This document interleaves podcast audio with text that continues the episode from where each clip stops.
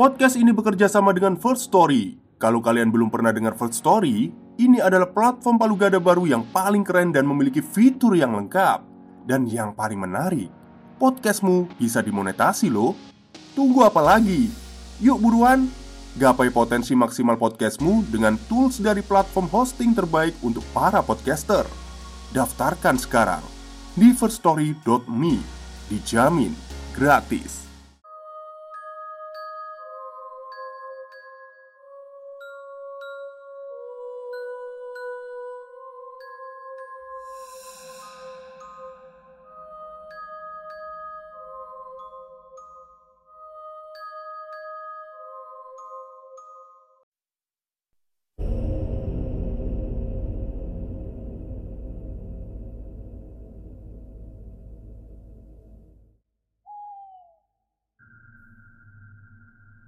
Assalamualaikum warahmatullahi wabarakatuh. Halo semuanya Jumpa lagi dengan saya Chow Sing Sing Kurator dari podcast Horror Night Story. Halo apa kabar semuanya? Semoga kalian semua baik-baik saja.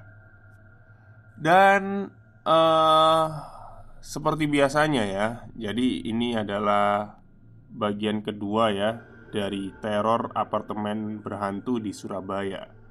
Kemarin kan saya sudah janji untuk meneruskan ceritanya. Ini bagian terakhir ini. Oke, daripada kita berlama-lama, mari kita simak ceritanya.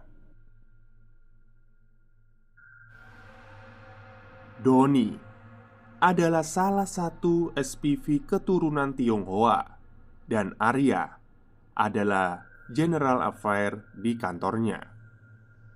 Mereka berdua teman dekat Yuda. Mereka sering pergi nongkrong sepulang kantor. Kejadiannya terjadi ketika Doni, Arya, dan Tia, sales counter yang membantu Gita kesurupan, sedang menemani Yuda kerja lembur di ruang admin di lantai dua. Hari sudah menjelang jam 7 malam. Seperti biasa, lampu utama ruang sales dan meeting room sudah dimatikan. Hanya lampu ruang admin, toilet, dan pantry yang masih nyala.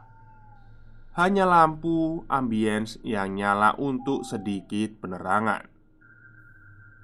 Doni dan Arya duduk menghadap jendela keluar.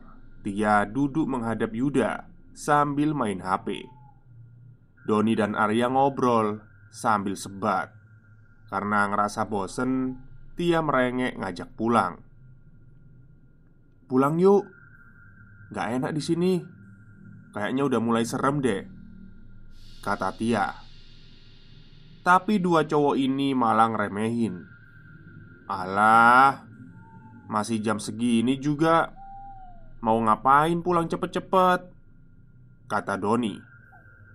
Arya nimpalin Iya nih, kayak di kosan ada kegiatan aja. Karena mendapat jawaban yang tak terduga, Tia mengalah. Karena dia pun pulangnya nebeng mereka. Mereka lanjut ngobrol ngalor ngidul. Yuda sendiri masih sibuk dengan pekerjaannya.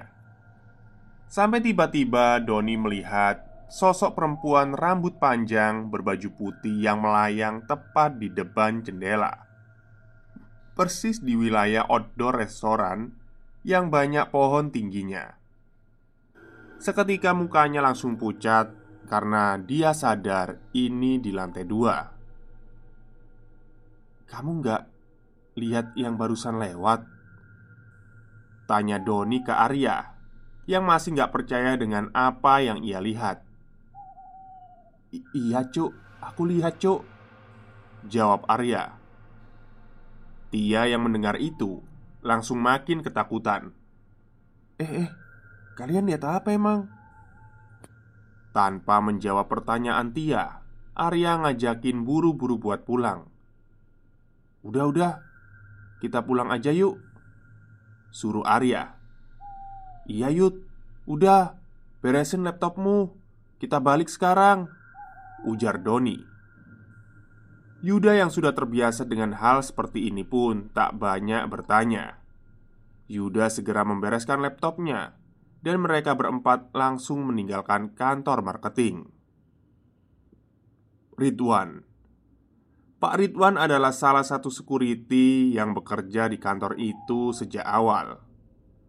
Pada hari itu, dia bertugas jaga shift siang. Shift siang dimulai dari pukul 8 sampai 8 malam. Maksudnya gimana ini? Pukul 8 sampai 8 24 jam dong ya. Mungkin ini salah ketik ya. Mungkin pukul uh, eh, 12 mungkin ya. Oke lanjutlah Kebetulan malam itu semua karyawan di kantor marketing sudah pulang semua seperti biasa, sebelum Pak Ridwan pulang, dia selalu menyempatkan untuk sholat Isya terlebih dahulu. Dia berjalan memasuki kantor marketing dan segera naik tangga menuju lantai dua Di mana letak lokasi musola. Semua lampu sudah dimatikan Hanya lampu ambience yang dinyalakan. Pak Ridwan berjalan menaiki tangga di tengah keremangan lampu Ketika sudah berada di depan meeting room Dia mendadak berhenti dia berusaha mempertajam penglihatannya di tengah-tengah cahaya lampu yang temaram. Dia hampir tidak mempercayai apa yang dilihatnya. Pak Ridwan melihat ada rambut hitam panjang yang sangat lebat, namun kusyut, menjuntai sampai ke lantai. Tepat persis di belokan musola ke arah toilet dan pantry. Karena terhalang sekat dinding, Pak Ridwan tak dapat melihat ujung rambut itu. Pak Ridwan masih terdiam mematung. Waktu berjalan sangat lambat. Baginya, sampai sepersekian detik kemudian, rambut panjang tersebut tiba-tiba bergerak sangat cepat, berbelok ke arah pantry. Setelah ditarik oleh tubuh yang berlari sepertinya. Sontak, Pak Ridwan seperti mendapatkan kesadarannya kembali. Dia segera bergegas turun tangga sambil sedikit berlari tanpa menengok ke belakang. Dia mengurungkan niatnya untuk sholat di musola. Dia lebih memilih sholat nanti saja di rumahnya.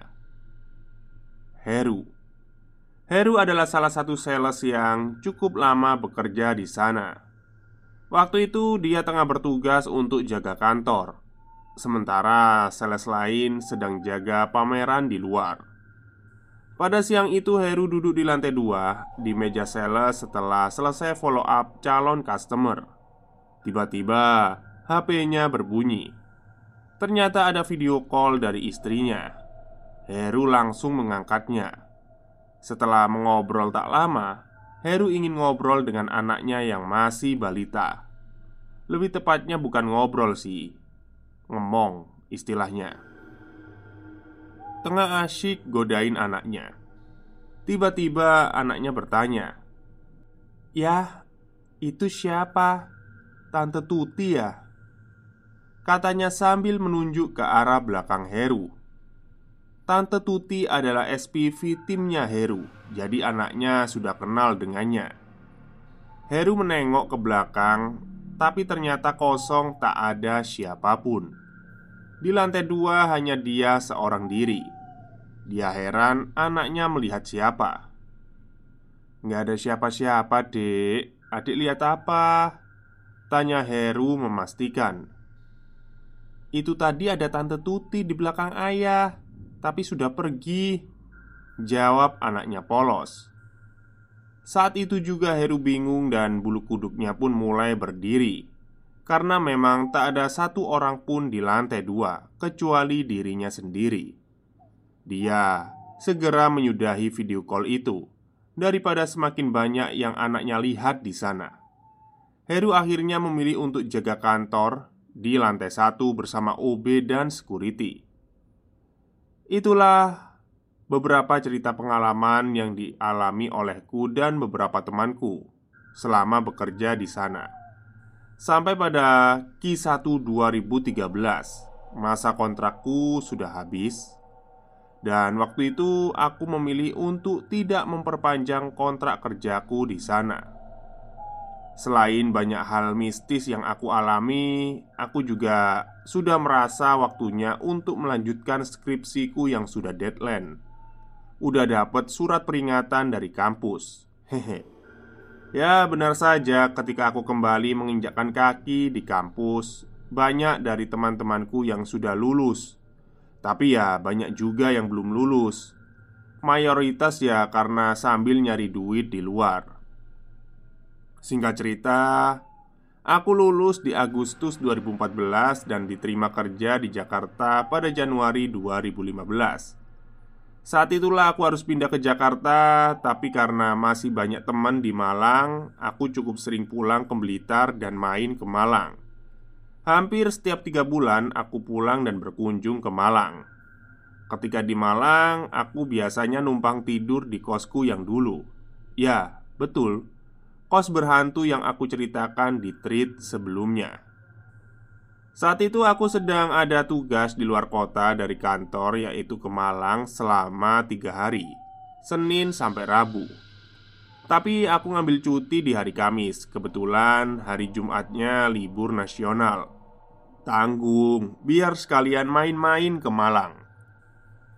Pada hari Rabu setelah urusan kantor selesai Teman-teman kantor langsung balik ke Jakarta. Lalu untuk menghemat pengeluaran Aku memilih tidur di kosku dulu. Numpang ke teman yang masih di sana Si Emon. Jenro, ketika tidur di situ, aku bermimpi sedang berkunjung ke bekas kantorku yang ada di Surabaya. Seperti mimpi-mimpi pada umumnya, aku nggak tahu kenapa ya, tiba-tiba aku berada di sana dan berada di ruang meeting yang berdinding kaca.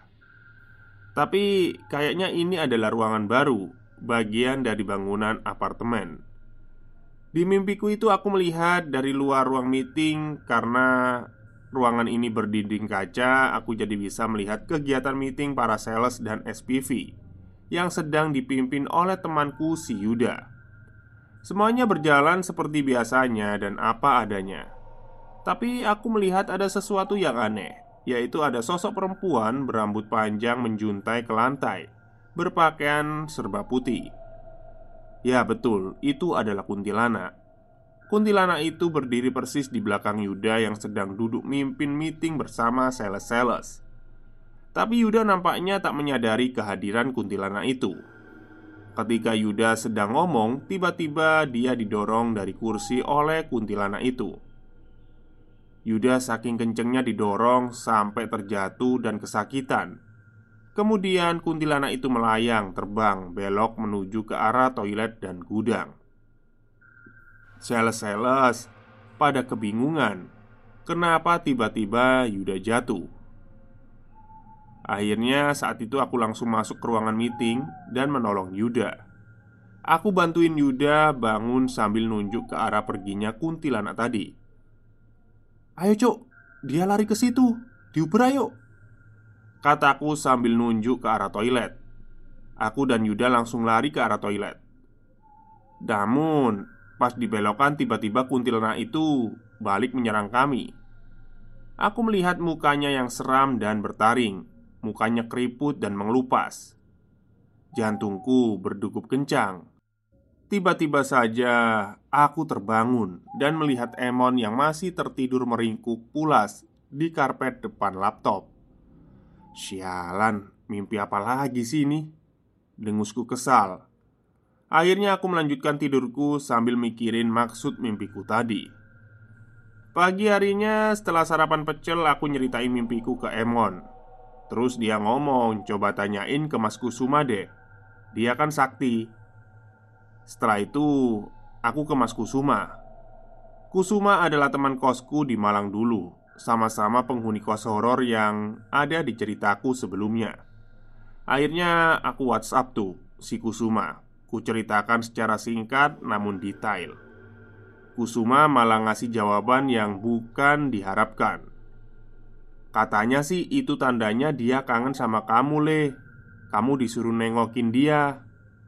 Ya mendapat, mendapat jawaban seperti itu ya aku makin kepikiran dong. Karena kepikiran aku jadi mikir apa jangan-jangan itu pertanda kalau ada apa-apa ya sama si Yuda? Akhirnya aku putuskan juga untuk mem-whatsapp si Yuda dan menceritakan soal mimpiku Tapi untungnya Yuda nggak kenapa-kenapa Dia malah ngetawain mimpiku itu. Ya juga sih, kayak orang aneh aja. Karena Yuda nggak kenapa-kenapa, ya udah aku nggak mikirin perihal mimpiku itu. Hari Sabtu habis subuh aku pergi main ke Surabaya Karena maklum ada teman dekat kuliah sekaligus kerja di Surabaya. Maksudku biar kita bisa balik ke Malang barengan Karena dia masih ada kerjaan di kantor Aku akhirnya memutuskan untuk main ke kantor lamaku itu Ya hitung-hitung sekalian lihat perkembangannya seperti apa Sesampainya di sana Pas aku di depan lobi, aku ketemu sama teman-temanku dulu yang masih kerja di kantor itu. Kulihat ada Tias, Randy, Handi yang sedang nyantai di taman dekat lobi. "Weh, Bro, apa kabar? Makin makmur kamu di Jakarta?" Sapa Tias Rama. Sebagai orang Indonesia, pasti salaman sama mereka dong. Lalu Randy nanya, "Tumben, ada urusan apa ke sini?" Karena aku orangnya suka bercanda dan ngasal, ya udah aku jawab aja iseng. Ini loh mau nengokin Mbak Kunti yang ada di ruang meeting. Kemarin lusa aku tuh mimpi kalau si Yuda diisengin sama kuntilanak itu. Tambahku. Mendengar jawabanku itu Tias tiba-tiba kaget dan heran. Duh. Kok bener, Ndro? Emang Senin kemarin Yuda diisengin sama kuntilanak itu di ruang meeting Hah? Seriusan? Tanyaku Ternyata benar Kemarin Senin Yuda diisengin sama tuh kuntilanak Tias. Usai kami sarapan tentunya kami ngopi sambil ngerokok santai dahulu. Tias cerita mengenai kejadian beberapa bulan yang lalu. Ini adalah salah satu dari bagian yang menurutku gokil sih. Jadi beberapa bulan yang lalu ada tiga anak magang Salah satu SMK Surabaya. Mereka magang selama tiga bulan di sana. Membantu di bagian keuangan dan administrasi Kejadian bermula ketika sore hari mereka bertiga sedang berada di lobi bersama resepsionis. Lobi memang terkenal sering ada gangguan-gangguan kecil Seperti sekelebat bayangan atau suara-suara anak kecil. Sebut saja nama mereka adalah Mawar, Melati, dan Lili. Ketika itu Mawar merasa nggak enak badan Tapi karena belum jam pulang Maka dia memilih pulang nanti saja. Toh nanti mereka juga motoran bareng. Saat tengah asik ngobrol Mawar lebih banyak diem sambil duduk tiduran di meja. Tanpa yang lain sadari ternyata Mawar tiba-tiba kerasukan. Untung saat itu lobi tidak sepi. Maksudnya untung lobi saat itu sedang sepi ya ini ya. Tak ada penghuni yang mondar-mandir. Melati dan Lili langsung membantu Mawar untuk duduk di sofa lobi Si resepsionis buru-buru mengambil air putih Ketika didudukan di sofa, Mawar menangis histeris, kemudian tertawa menyeramkan. Sampai-sampai tiba-tiba Mawar mencekik dirinya sendiri. Melihat seperti itu resepsionis bingung Ini kenapa tuh anak gitu kan ya Ya udahlah Akhirnya uh, ada salah satu karyawan yang terkenal religius di kantor itu. Namanya Mas Amin. Dia emang lulusan pondok pesantren dulunya. Akhirnya Mas Amin dipanggil Terus nolong si Mawar yang kesurupan itu. Bentar, ini baru bakar rokok.